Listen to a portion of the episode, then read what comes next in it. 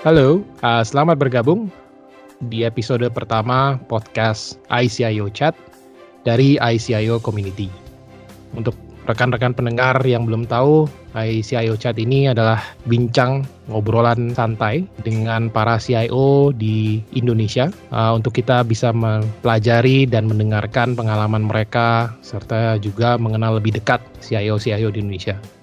ICIO Chat ini adalah persembahan dari ICIO Community dan untuk anda yang belum mengenal, ICIO Community sendiri adalah komunitas yang memang membernya adalah para IT leaders ataupun IT decision maker di Indonesia. Komunitas kita sendiri sudah berdiri kurang lebih hampir lima tahun lamanya, dan tentunya kami berharap dari podcast ini teman-teman bisa mendapatkan informasi tidak hanya mengenai how to become a CIO, tapi juga mengenai dunia IT, leadership, serta dunia bisnis secara keseluruhan. Perkenalkan, saya Diki Wijaya, CIO Investri yang akan menjadi host Anda hari ini. Nah, untuk episode pertama ini saya sangat bersyukur nih sudah kedatangan tamu yang luar biasa yaitu Bapak YB Haryantono, CIO dari Bank Negara Indonesia atau BNI. Selamat datang Pak YB. Terima kasih, selamat siang Pak Diki. Apa kabar? Siang Pak. Baik Pak. Wah Pak ini thank you uh, sudah mau hadir. Saya mungkin saya buka pertanyaan pertama yang saya udah dari dulu wondering tapi nggak pernah berani nanya nih Pak. Oh, oh, oh. YB itu singkatannya apa sih Pak? Oh yang bersangkutan Pak. Kalau oh yang bersangkutan ya Pak. Ya, Bapak nggak bertanya-tanya lagi. Oh aduh luar biasa. Jadi kalau itu YBS ya ini YBH gitu ya Pak. Iya. Ya. Oke ternyata. Jadi itu uh, itu dia uh, yang bersangkutan Haryantono nama lengkapnya. Oke.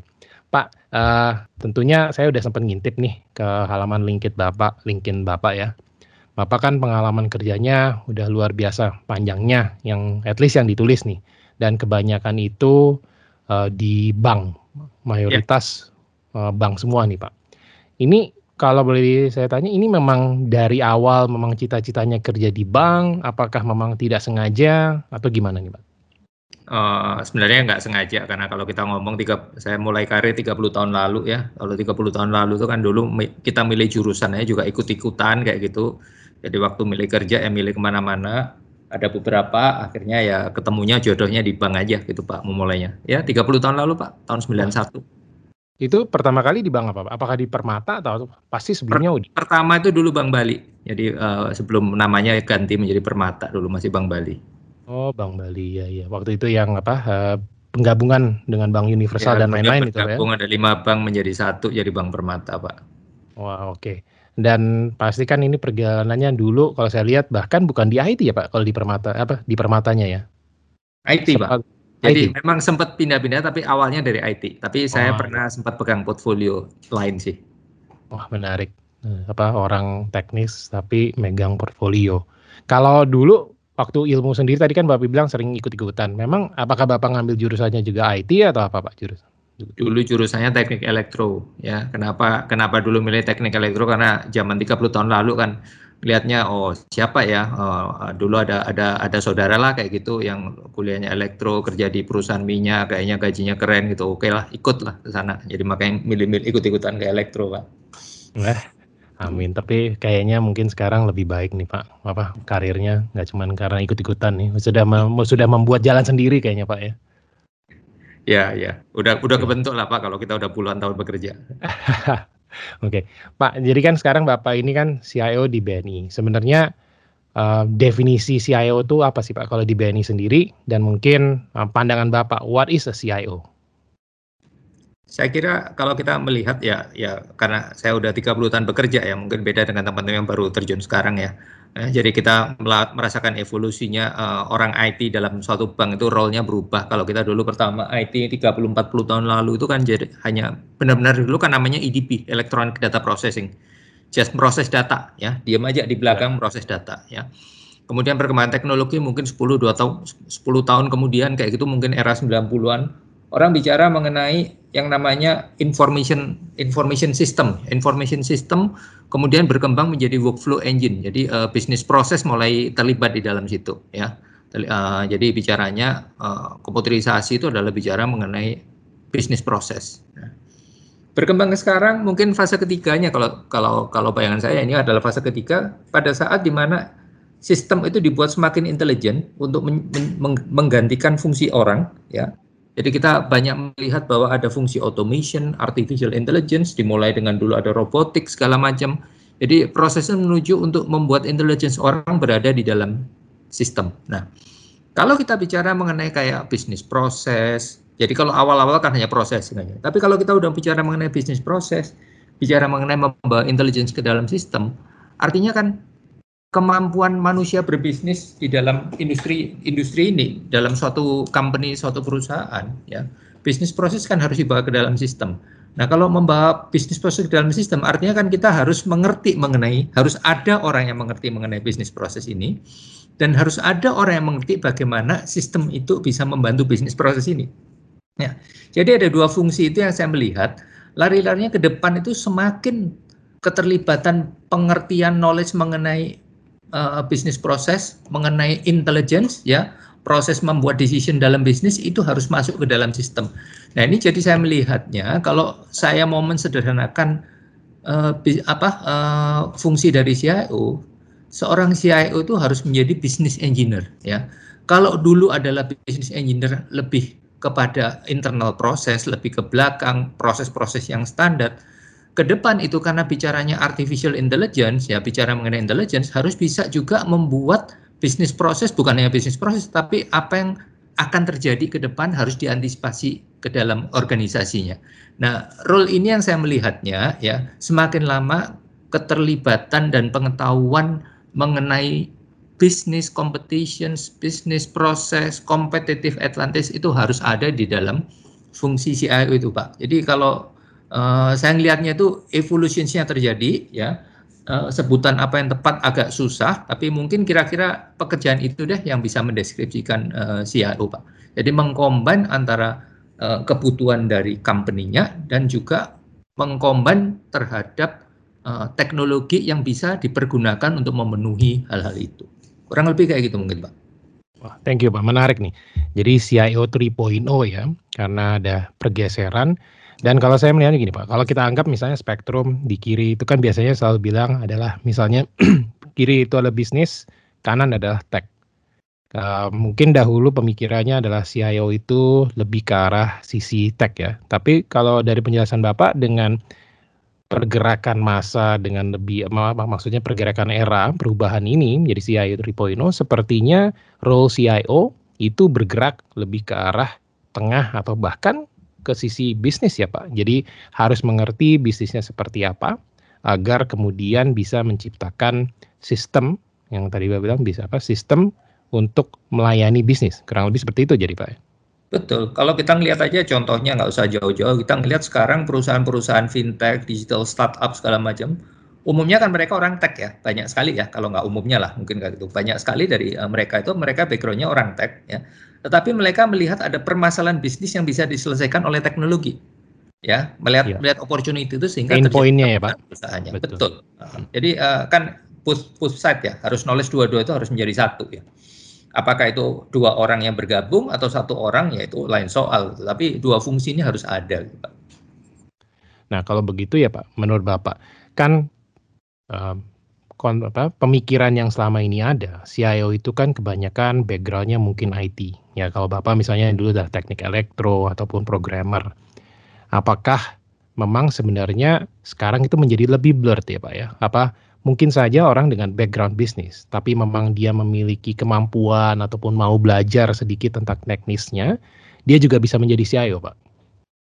Kalau saya melihatnya sekarang dua sisi harusnya bisa ya karena uh, yang butuh adalah balik kan kalau orang backgroundnya IT dia harus uh, cukup bisnis savvy ya mengerti mengenai uh, bisnis landscape kompetisi uh, what what problem to be solved itu kalau backgroundnya IT kalau dia backgroundnya udah fasih sekali di bisnis dia bisa melihat dia harus mengerti mengenai IT itu teknologi perkembangannya apa ya kan apa yang bisa di empower oleh IT untuk ngembangin bisnis jadi tinggal dari kiri ke kanan atau kanan ke kiri pak. Sama Betul aja. oke. Okay. jadi memang tidak terlalu masalah background Anda apa, tapi sebenarnya kalau saya boleh rangkum CIO ini tentu adalah objektifnya adalah solving a problem jadi sebenarnya Pak, a business problem using technology. Ya, ya bisa aja solving problem or creating opportunity ya. Nah, ah, ya itu juga sesuatu point, yang uh, yang suatu possible ya. Ada sesuatu yang belum pernah dilakukan, tetapi sebenarnya mikirnya ini adalah possible kalau menggunakan teknologi bisa bisa membuat sesuatu menjadi possible gitu. Oke, jadi benar ya Pak. Jadi kalau kayak kita bilang adalah defense apa defense and offense. Kalau defense adalah solving a problem using technology, tapi kalau offense bukan pro offense lah, proaktif uh, mindsetnya adalah creating new opportunity using technology juga ya. Oke, menarik. Dan sepertinya kalau begitu artinya memang CIO itu juga harus forward thinking ya Pak ya. Jadi karena kan tadi Bapak bilang creating opportunity we have to be aware of the opportunity out there, think forward thinking, sebenarnya kebutuhan bisnis apa atau bagaimana Pak? Apakah memang sekarang ini kan pasti terkadang kalau kita terlalu forward thinking, mungkin saja nanti dari company-nya bilang, waduh ini yang sekarang aja belum selesai nih, jangan terlalu forward thinking deh. Gitu. Nah kalau seperti itu bagaimana menurut Bapak? Kalau saya sih kita nggak perlu mempertentangkan kebutuhan uh, forward thinking atau enggak. Sebenarnya benar Pak posisinya. Cuman gini kan, yang namanya IT savviness, dia kemampuan untuk melihat kemampuan teknologi seperti apa, dan business minded ini kan harus balance, Pak.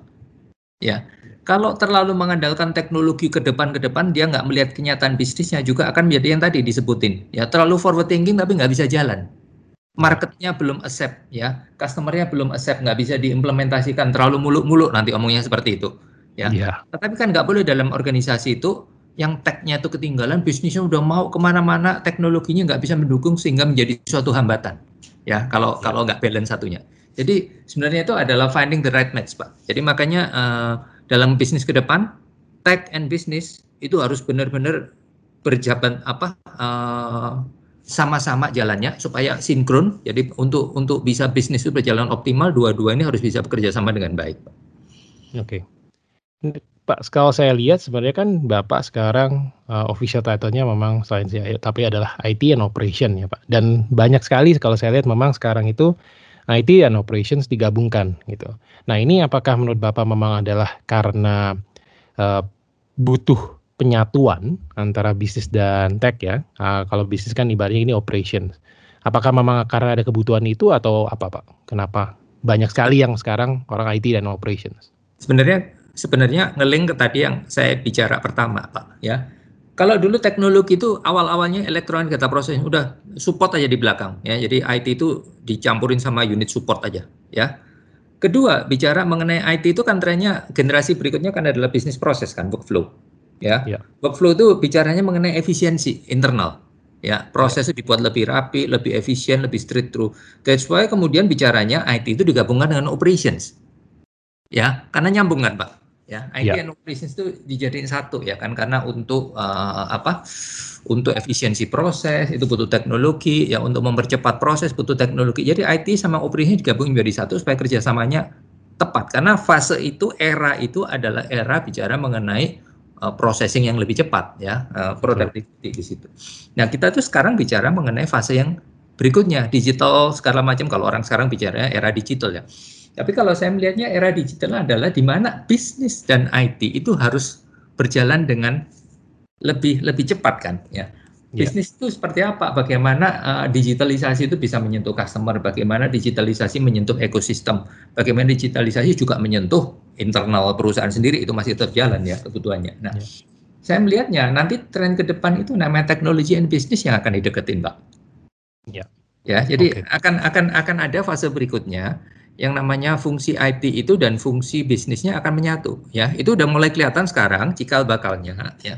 Kalau orang bicara organisasi bicara mengenai penyatuan IT and digital ya. Ya, ya jadi ada ada ada ada beberapa organisasi sudah menyatukan digital and IT kenapa? Karena melihat bahwa untuk compete butuh digitalisasi di situ ada kemampuan teknologi. Digabungin aja dua fungsi ini supaya jalannya bisa lebih sinkron kayak gitu. Jadi ada mulai operationsnya di dipisahkan karena menjadi fokusnya less fokus di sana tapi lebih fokus untuk offense ke market lebih fokus untuk bagaimana menyongsong future kayak gitu Pak. Jadi tergantung Pak, itu sangat situational organisasi masing-masing strateginya seperti apa. untuk capture opportunity basically ya Pak ya, ya. dan bisa lebih agile seperti ya. itu. Nggak, jadi nggak ada okay. nggak ada masalah salah benar Pak ya. Jadi ini adalah yeah. situasional organisasinya seperti apa, fokusnya seperti apa. Ya, terkadang saya paling suka itu uh, benar salah itu relatif Pak. Yang ada cuma keputusan dan konsekuensinya ya Pak. Iya, karena decision itu kan adalah adalah pasti benar diambil dalam konteks pada saat itu. Betul. It's the best decision we could have made intinya. Yeah. Nah, kalau seperti itu Pak ya, kan banyak juga orang CIO dan CTO itu sebenarnya bedanya apa? Memang kalau sekarang kan kalau saya sih pribadi saya bilang CTO itu lebih lebih geek daripada CIO. Apakah itu benar, pendapat saya itu apa benar atau menurut Bapak gimana Pak? Perbedaan antara CIO dan CTO? Atau mungkin kalau, tidak ada perbedaan, cuma title-nya aja beda. Kalau buat saya terus terang saya itu bingung mengenai uh, dikotomi ini CTO dengan CIO ya. Buat saya saya lebih melihat bahwa kepentingan organisasi ini adalah butuh mengenai teknologi and business harus menyatu. Ya, capability ini harus ada sinergi ke depannya ya. Ada orang yang melihatnya bahwa CTO itu lebih kepada teknologi aja di belakang, nggak usah mikirin bisnis ya. Makanya disebutnya teknologi. Ada lagi kalau information lebih ke teknologi. Tapi ada yang lagi berpendapat uh, sebaliknya kayak gitu ya. Ada organisasi yang pernah saya lihat CIO itu di atasnya CTO, ada lagi yang CTO di atasnya CIO. Udahlah, suka-suka saya pikir kayak gitu. Buat saya, terserah lah ya. matter of uh, setting aja. Yang penting sebenarnya pekerjaannya apa dia, ya buat saya yang penting dalam organisasi adalah memastikan bahwa fungsi teknologi dengan fungsi bisnis bisa berjalan dengan sinkron dengan baik, Pak, supaya bisa saling mengenable. Itu, Pak. Oke. Okay. So again, tidak masalah bentuk, tidak masalah keputusannya selama bisa dijalankan dan clear bahwa ujung-ujungnya sebenarnya deliverable siapa ya? Nah, kalau Betul. title kan tinggal nama, Pak. Ya, bisa aja nanti ada title baru Pak Sito, Chief Information and Technology Officer. Boleh tuh Pak. Ah, jadi sebenarnya at the end of the day tujuannya adalah what exactly you can deliver gitu ya Pak. Value apa yang bisa di-create oleh seorang CIO untuk perusahaannya ya. Betul. Pastinya.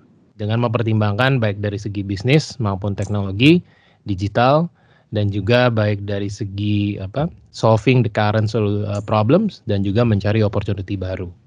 Oke, okay, menarik Pak. Thank you nih apa untuk apa uh, penjelasannya. Nah, jadi kan saya juga bisa menambah ilmu dan semoga pendengar-pendengar kita juga uh, mengerti sebenarnya CIO itu apa sih uh, role-nya. Ya, nah, ya, saya rasa nggak ada ilmu baru Pak, ya kan. Semua orang pasti menjalaninya, cuman kita tuh hanya membantu reiterate aja apa yang kita udah lakukan. Semua orang-orang IT, orang-orang CIO yang sedang dilakukan saat ini bahwa mereka juga pasti menyandang tanggung jawab yang sama gitu mengembangkan teknologi yang tepat, satu sisi lain harus mengerti bisnisnya itu kebutuhannya seperti apa dan ke depan harus dikembangkan seperti apa sih. Itu sih, Pak. Betul, tapi kalau saya boleh komentar, Pak. Nggak, Bapak gini, memang benar kita mungkin banyak sekali yang sudah menjalankan tanpa menyadari ya bahkan. Nah, tapi kemampuan untuk bisa menjelaskan dengan clear and concise itu itu adalah gift, Pak. Jadi kalau sekarang ini kan Bapak bisa menjelaskan dengan sangat clear kepada semua bahwa apa sih role dan kebutuhan dan juga sebenarnya fokus dari seorang CIO itu sebenarnya sesuatu Pak. Mungkin aja orang, oh iya ya selama ini saya nggak ngerti nih. Tapi sekarang dengan mendengarkan penjelasan ini saya jadi bisa juga bisa menjelaskan kepada orang lain. Karena ya itu, uh, I think going back to your points earlier, di mana terkadang kan ada orang yang memang uh, so tech savvy Pak, di mana yang penting canggih ada yang pakai apa enggak urusan belakangan. Sementara kan kalau dari penjelasan Bapak sebenarnya we can't do that. We have to be cognizant dengan kebutuhan bisnis. Kita juga harus sadar dengan kemampuan uh, pasar untuk mungkin ataupun kebutuhan pasar dalam menggunakan teknologi yang kita ciptakan, gitu, Pak. Ya, ya. Nah, uh, kalau Bapak kan mulainya dari teknik elektro, Pak. Dan memang kalau saya lihat Bapak pasti pengalamannya juga banyak di bank-bank lainnya. Sebenarnya dengan natural progressionnya ini saya anggap Bapak merasa bahwa Bapak ini natural progression menjadi seorang CIO. Tapi kan Bapak mulainya di sisi tech, Pak. Ya. Tips and tricks apa yang membuat Bapak sehingga bisa lebih memahami dan mengerti dari segi bisnisnya, Pak? Ini saya rasa mungkin saya orang yang perjalanan karir cukup beruntung ya, tapi mungkin juga bisa dikombin ya. Ini kan bisa saya hanya sharing pengalaman saya aja ya. Saya memang mulainya dari IT, lama sekali di situ. Tapi ada suatu saat uh, kita itu kan selalu bicara dalam suatu environment organisasi kita tuh sering kan bicara dengan orang bisnis mengenai pengembangan harus ngapain aja atau competitiveness mereka apa. Jadi kita dari menjadi orang IT pun kita udah belajar kan sebenarnya. Nah, kita harus berinteraksi dengan orang bisnis, tahu gimana uh, eh, IT itu bisa mengenable bisnis, bisa membantu competitiveness. Terus ada things yang memang kita naturally kita belajarin sebagai orang IT. Ya, satu. Kemudian dalam perjalanan karir saya, saya pernah per, uh, karena hidupnya banyak di banking, saya pernah belajar mengenai uh, credit underwriting. Karena dulu pernah saya ditugaskan mungkin berapa ya, uh, hampir hampir 10 tahun saya berkarir, kemudian setelah 10 tahun hidup sebagai orang IT, terus saya pegang uh, kredit kredit underwriting untuk uh, apa consumer banking kayak gitu belajar mengenai oh kredit seperti itu untuk consumer ya nggak lama memang saya mungkin hanya setahun sampai dua tahun kayak gitu tapi belajar mengenai kredit underwriting. Terus kemudian setelah beberapa saat saya sempat pegang mengenai uh, kalau bank itu istilahnya jaringan. Jaringan itu sebenarnya bisnis cabang-cabang semua semua wilayah semua cabang itu uh, kita umumnya kalau di perbankan kita sebutnya jaringan atau network distribution kayak gitu. Saya pernah incas menjadi head untuk network keseluruhan. Ya.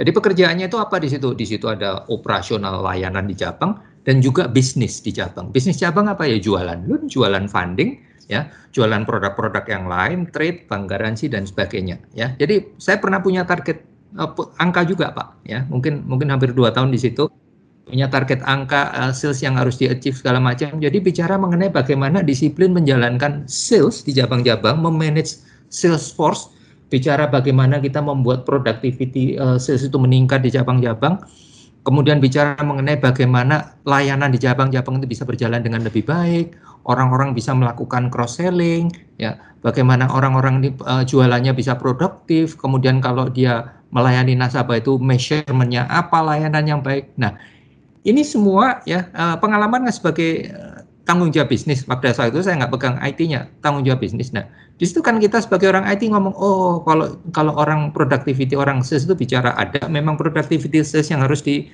secara disiplin jualan monitoringnya uh, seperti apa, memprovide training untuk orang-orang itu, memberikan sales toolkitnya seperti apa.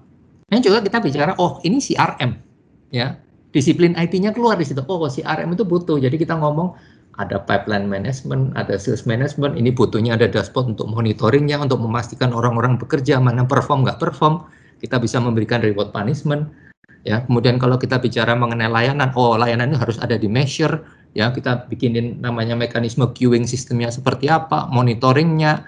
Nah, those kind of things, relate-nya juga adalah kita jadi karena kita pegang ke pengetahuan mengenai bisnisnya seperti apa, kebutuhan bisnis itu seperti apa, dan apa yang bisa diimprove oleh bisnis ya dengan menggunakan teknologi.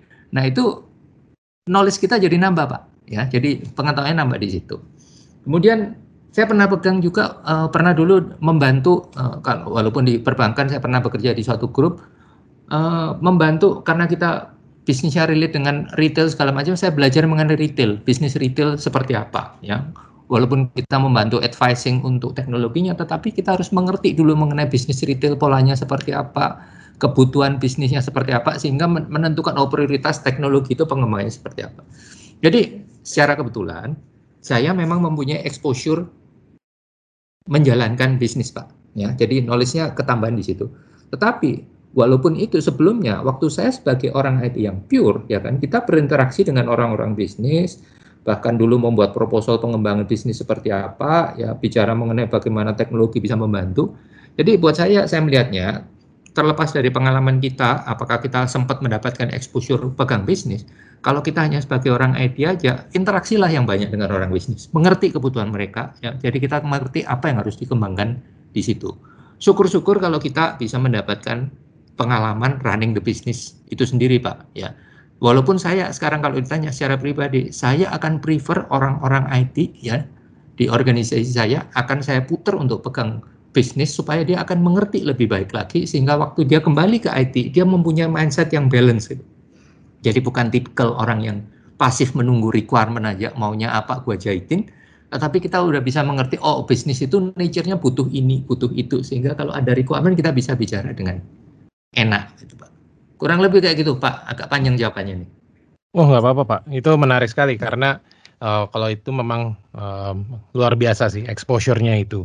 Dan mungkin kalau Bapak bilang Bapak beruntung mendapatkan exposure, tapi saya selalu bilang Pak, um, opportunity juga terkadang muncul kepada orang yang memang sudah siap melakukan sesuatu terhadap tawaran opportunity tersebut karena kalau orangnya memang tidak mau pasti diberikan opportunity juga tidak akan ambil. Tapi di sini sepertinya mindset bapak kan di diberikan tambahan exposure apa pun bapak tidak tidak ragu ibaratnya untuk mengambil hal tersebut. Dan bahkan bisa melihatnya secara positif di mana ini adalah pengalaman tambahan nih buat diri saya buat berdiri bapak maksudnya sehingga bisa memperkaya mungkin uh, ilmu ya ilmu uh, ilmu bapak sendiri. Nah mungkin kalau tadi Bapak udah sempat mention sedikit Pak. Kan memang tidak semua orang mungkin bisa mendapatkan assignment di sisi bisnis. Nah, sehingga Bapak bilang untuk exposure ini either bisa melalui assignment atau kita ketika kita ngobrol dengan sisi bisnis itu lebih mencoba memahaminya. Nah, apakah itu cukup atau memang kan banyak juga yang orang memang uh, tidak memiliki kesempatan seperti itu, Pak. Nah, apakah mereka apakah sebaiknya mereka kemudian mencoba mencari exposure itu sendiri? Misalnya dengan cara mencari meminta kepada atasan untuk uh, assignment tempat lain atau mencari pekerjaan lain. Is that apa apakah perlu sedrastis itu? Atau mungkin bisa dimulai dengan ya waktu dengerin ya mbok dengerinnya dengan lebih detail gitu Ya, Pak Diki, mungkin saya nggak akan direct menjawab pertanyaan Pak Diki tadi, ya, tapi akan relate dengan yang uh, tadi ada beberapa poin yang Pak Diki sebutin bahwa orang itu hanya akan uh, mendapat kesempatan kalau dia ready, ya. Ini yang saya uh, selalu uh, bicara ke teman-teman, terutama yang uh, yang lebih muda gitu ya, yang lebih muda, lebih junior dari saya. Ya. Saya bekerja, ya, ada dua patokan yang saya pegang untuk kita berkarir. Satu, dalam kita melakukan pekerjaan kita ya. Kalau kita dituntut untuk melakukan pekerjaan A dari atasan kita jangan pernah berpikir skup kita hanya A. Selalu kita mencoba ya untuk berpikir satu step lebih tinggi kepentingan yang lebih tinggi seperti apa. Kalau kita misalnya ada organisasi unit di atasnya itu adalah divisi kalau kita in charge untuk unit mendapatkan tanggung jawab apa? Coba kita itu selalu melihat kepentingan divisinya apa ya sehingga kita selalu mempunyai perspektif yang lebih luas dari organisasi. Selalu mempunyai mencoba mengerti perspektif atasan kita apa tanggung jawab dia yang lebih luas itu apa. Supaya kalau kita bekerja uh, di unit kita jangan selalu terkotak kita pasang pagar tetapi kita bisa open minded kita bisa bekerja sama dengan unit yang lain. Karena kita mengerti bahwa konteksnya kebutuhan di atas kita ini skop yang lebih besar itu seperti apa ya. Jadi kita mempunyai wawasan yang lebih baik sehingga nantinya orang akan melihat oh orang ini layak untuk bisa diberikan tanggung jawab yang lebih besar. Karena sudah terbiasa dengan cara berpikirnya seperti itu tidak terkotak ya. Banyak orang yang uh, uh, susah berkarir karena dia nggak naik-naik karena cara berpikirnya berada di kotaknya sendiri defensif nggak mau bekerja sama dengan orang lain. Buatlah kita itu selalu berpikir kepentingan yang lebih tinggi. Itu itu tips nomor satu pak ya. Untuk uh, satu satu step lebih tinggi. Mencoba selalu berpikir satu uh, satu step lebih luas ya yang kedua adalah kita tuh berkarir seperti kita menulis CV kan. Ya, setiap saat kita mempunyai assignment dari A ke B pindah lagi segala macam. Kalau kita punya CV berkarir, make sure bahwa semua CV itu kita tertulis dengan baik. Pada waktu dikasih tugas pertama melakukan dengan baik, dikasih ke, tugas kedua melakukan dengan outstanding. Tugas ketiga selalu melakukan lagi dengan outstanding lagi beyond apa yang expect. Tugas keempat beyond apa yang expect. Nah, karir path yang seperti itu orang melihat track record CV kita. Ini artinya adalah orang-orang yang ready untuk karir lebih besar. Dia tidak mempunyai kelemahan dalam situasi tertentu dia gagal atau enggak ya. Jadi uh, jangan membuat CV itu jelek karena kita mungkin nggak suka dengan kerjaannya sehingga kita bermasalah di situ. Jangan. Jadi perjalanan karir itu kita menulis CV kita dan CV kita itu akan selalu dipakai reference-reference kepada orang-orang atasan atasan kita yang baru organisasi yang baru untuk melihat apa yang sudah kita lakukan. Karena kita kan semua dinilai berdasarkan track record. Based on CV ya jadi saya rasa dua itu tipsnya Pak. Jadi satu adalah kita bicara mengenai selalu berpikir one step above ya. Yang kedua adalah kita dalam melakukan semua tugas kita jangan pernah membuat track record yang jelek. Buat suatu success story di setiap kita uh, di assign. Itu Pak. Thank you Pak. Ini sangat menarik uh, tips Bapak terutama yang satu step lebih uh, lebih advance lah, lebih besar ya. Karena itu kan artinya kita belajar untuk lebih high level overview dan juga strategic thinking sebenarnya Pak. Nah, pertanyaan saya mungkin gini Pak, um, just to have a discussion, apakah memang cukup satu atau bisa lebih tinggi lagi kita berpikir ya Pak. Jadi misalnya kalau tadi kan Pak bilang, oh oke okay, kepentingan saya apa, lalu kepentingan divisi apa. Apakah mungkin kita juga mulai belajar kepentingan company saya apa ya seperti itu. Atau ya step by step aja dulu sampai ke divisi dulu gitu. Kalau saya dulu memulainya dengan step by step pak ya. Tapi kalau sekarang kita bicara gini kalau anda seorang CIO udah ya. Orang seorang CIO tugasnya adalah di IT jadi one step lebih tingginya apa? Ya the whole organization kan pak ya. Betul. jadi harus mengerti mengenai bisnisnya. Maka itu align dengan role CIO tadi kan ya Kemudian jadi suatu saat mungkin CIO Anda bisa juga melakukan fungsi yang lain bisa saja Anda mendapatkan promosi untuk running as a CEO ya melakukan fungsi yang lebih tinggi karena Anda juga mengerti teknologi, Anda mengerti bisnisnya. Ya, jadi selalu berpikir satu step lebih tinggi itu akan membuat Anda ready untuk role yang lebih tinggi. Itu sih poinnya, Pak. Okay. Jadi kalau saya lihat apakah one step two step one step enough lah. Kalau two step itu kayaknya nantinya ya kalau di awal-awal karir agak susah lah. Kita sendiri belum punya cukup perspektif itu biasanya, Pak. Dan juga exposure ya, Pak. Mungkin uh, kalau kejauhan juga exposure-nya belum uh, kita belum tahu aspek-aspek apa yang harus diperhatikan iya, juga ya. Betul. Nah, oke okay, luar biasa. Pak, ini pertanyaan kalau pastikan menjadi CIO dari sebuah uh, bank BUMN, perusahaan terbuka ini juga pasti memakan banyak waktu. Um, mungkin kalau ada downtime, misalnya ada di mana uh, Bapak tidak berpikir tentang pekerjaan, itu biasanya ngapain Pak? Apakah ada hobi tertentu atau memang uh, apa aktivitas apa yang Bapak lakukan untuk uh, balancing Pak? Wah kalau bicara memang larinya ke hobi ya, hobi keluarga seperti itu. Cuman kalau saya ini hobinya banyak Pak. Jadi uh, selalu nggak cukup waktu untuk hobi ya. Uh, hobi saya banyak ya. Jadi ya kita kita secukupnya lah digilir aja satu persatu Pak supaya nggak hilang semuanya gitu aja sih Pak. Hmm. Apa nih Pak? Salah satu hobinya ini Pak yang bisa di-share. Saya hobinya fotografi seneng, pelihara ikan, pelihara tanaman, olahraga. Dulu olahraganya bulu tangkis. Sekarang nggak sanggup deh, lari juga ketinggalan sama Pak Diki kan. Waduh. Jadi sekarang mulai uh, mulai enjoy itu golf Pak. Jadi oh, golf. kantor okay. mulai enjoy golf. Uh, cukup sering sekarang kalau untuk main bisa untuk refreshing lah Pak ya.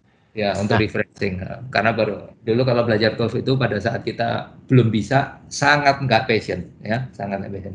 Begitu kita mulai bisa baru mulai seneng Pak kayak gitu karena juga golf itu kan juga hanya mainnya ketemu temen ketemu orang ngobrol sambil juga ngeliat pemandangan kan pemandangan lapangan hijau indah kayak gitu enak seger Pak.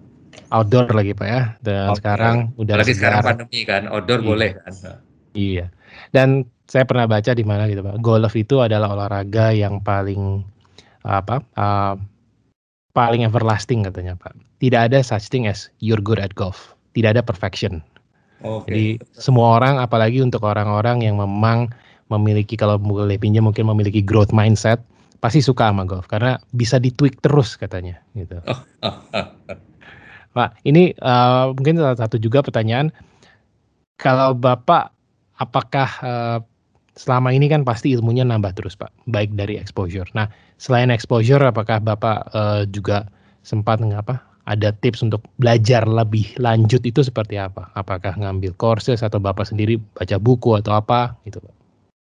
Saya rasa sih kalau sekarang ya, terus terang kita tuh semakin apa posisi lebih tinggi itu semakin nggak punya kesempatan untuk belajar ya secara spesifik kayak gitu ya kan kita diam duduk belajar susah kayak jadi larinya belajar dari interaksi aja pak, ya interaksi dengan anak buah, ya uh, karena kita kan kalau uh, udah seorang CIO untuk suruh belajar teknis agak susah, jadi kita belajarnya dari perkembangan-perkembangan dari ketemu dengan anak buah, ketemu dengan prinsipal, dengerin seminar.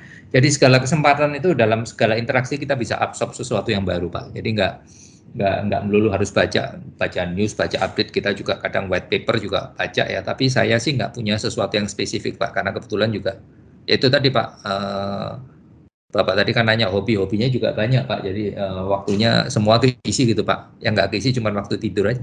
Wes, nggak apa-apa Pak. Bentar lagi kita ditemukan nggak usah tidur gitu ya. Uh, nanti bisa ditambahin satu lagi Pak cara untuk belajarnya. dengerin ICIO chat, Pak. Oke. Okay. kan kayak sekarang aja saya merasa banyak belajar sekali nih dari Pak YB. Oke, okay, mungkin uh, karena interest of time, uh, saya mungkin ada satu pertanyaan terakhir. Tadi Bapak udah sempat mention dua tips um, untuk generasi yang lebih muda. Apa? Apakah ada mungkin apa? Gak itu kan guiding principle Bapak ya. Ya. Kalau misalnya Bapak bisa ngomong ke uh, if you can go back in time gitu Pak, atau mengirimkan kepesan ke Pak YB 30 tahun yang lalu, uh, apa yang mungkin Bapak sampaikan to your younger version, Pak? Saya orangnya agak spesifik. Saya tidak pernah menyesali apa yang terjadi di masa lalu, Pak. Ya, karena apa yang terjadi di masa lalu adalah benar pada konteks apa yang the best yang kita bisa pikirkan pada saat itu, Pak. Ya, jadi uh, kalau kalau saya melihatnya uh, setiap saat itu kita akan akan growing, Pak. Setiap saat kita akan growing based on uh, apa what we know, the knowledge yang kita ada di sekeliling kita. Ya. Cuman uh, kalau kalau saya mungkin uh, ditanya seperti itu, paling mungkin saya akan belajar mengenai artificial intelligence kayak gitu ya sesuatu yang sampai sekarang itu saya agak ketinggalan di situ pak. Ya, jadi uh, ilmu-ilmunya di waktu kesempatan untuk belajar secara teknisnya kurang detail mungkin itu satu area yang uh, mungkin saya ingin belajar lebih early sebenarnya. Itu aja sih pak. Tadi kalau mengenai spesifik mengenai dunia IT itu yang saya uh, saya merasa agak miss di situ kurang kurang pendalaman.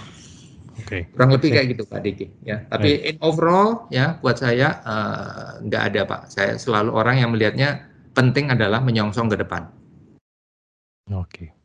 Fantastis. Saya kira Bapak mau ngomong mungkin uh, beritahukan kepada younger versionnya di tahun 2020-an beli Coinbase ketika mereka masih 15 sen oh, gitu, oh, Pak. Oh, oh, itu juga boleh gitu. Invest di sana. Eh, saya yang selalu masih generasi kuno yang selalu mikirnya I'm bottom line. Ya, Atau ini Pak, kita bilang ya from my what I'm working on ya gitu. Pas, mantap. Ya, thank you Pak YB untuk waktunya. Saya sadar Pak YB kan juga apa eh, waktunya tidak banyak. Uh, demikian rekan-rekan um, yang mendengarkan ICIU Chat. Uh, berikut adalah diskusi saya dengan Pak YB, uh, seorang CIO yang sudah memiliki banyak pengalaman, sudah 30 tahun berkecimpung di dunia bisnis dan teknologi. Dan pastinya banyak sekali yang bisa kita pelajari. Buat saya sendiri pasti yang saya dapatkan adalah satu, always dari Pak YB ya, uh, always think above you. Uh, ini mungkin bukan eh, mungkin tidak sejauh fake it till you make it ya, Pak. Tapi kita lebih mengajarkan diri kita untuk bisa berpikir dengan scope yang lebih luas agar jangan seperti pakai kacamata kuda dan hanya egoistik memikirkan diri sendiri, tetapi juga memikirkan kepentingan dari uh, unit ataupun bagian ataupun uh, diri kita menjadi dari bagian apa, kepentingan dari bagian itu seperti apa. Dan yang sangat menarik adalah yang Bapak Pak YB bilang, there is no regret. Uh, if you make the decision pertimbangkan semua aspek pada saat itu make the best decision you can and do not regret it and live it out. So sepertinya udah kayak apa live your life without regrets ya pak? Uh, uh, judul aku dong pak. Wis luar biasa nama pak YB baiklah terima kasih sekali lagi pak YB Ya, uh, terima kasih rekan-rekan ICIO pendengar podcast. Mudah-mudahan apa yang uh, saya sharing ini mungkin ada satu dua poin yang mungkin bisa bermanfaat untuk teman-teman semua. Pasti Pak, saya aja catatannya jadi banyak nih. Oke Pak, uh, thank you. Sampai jumpa di episode berikutnya.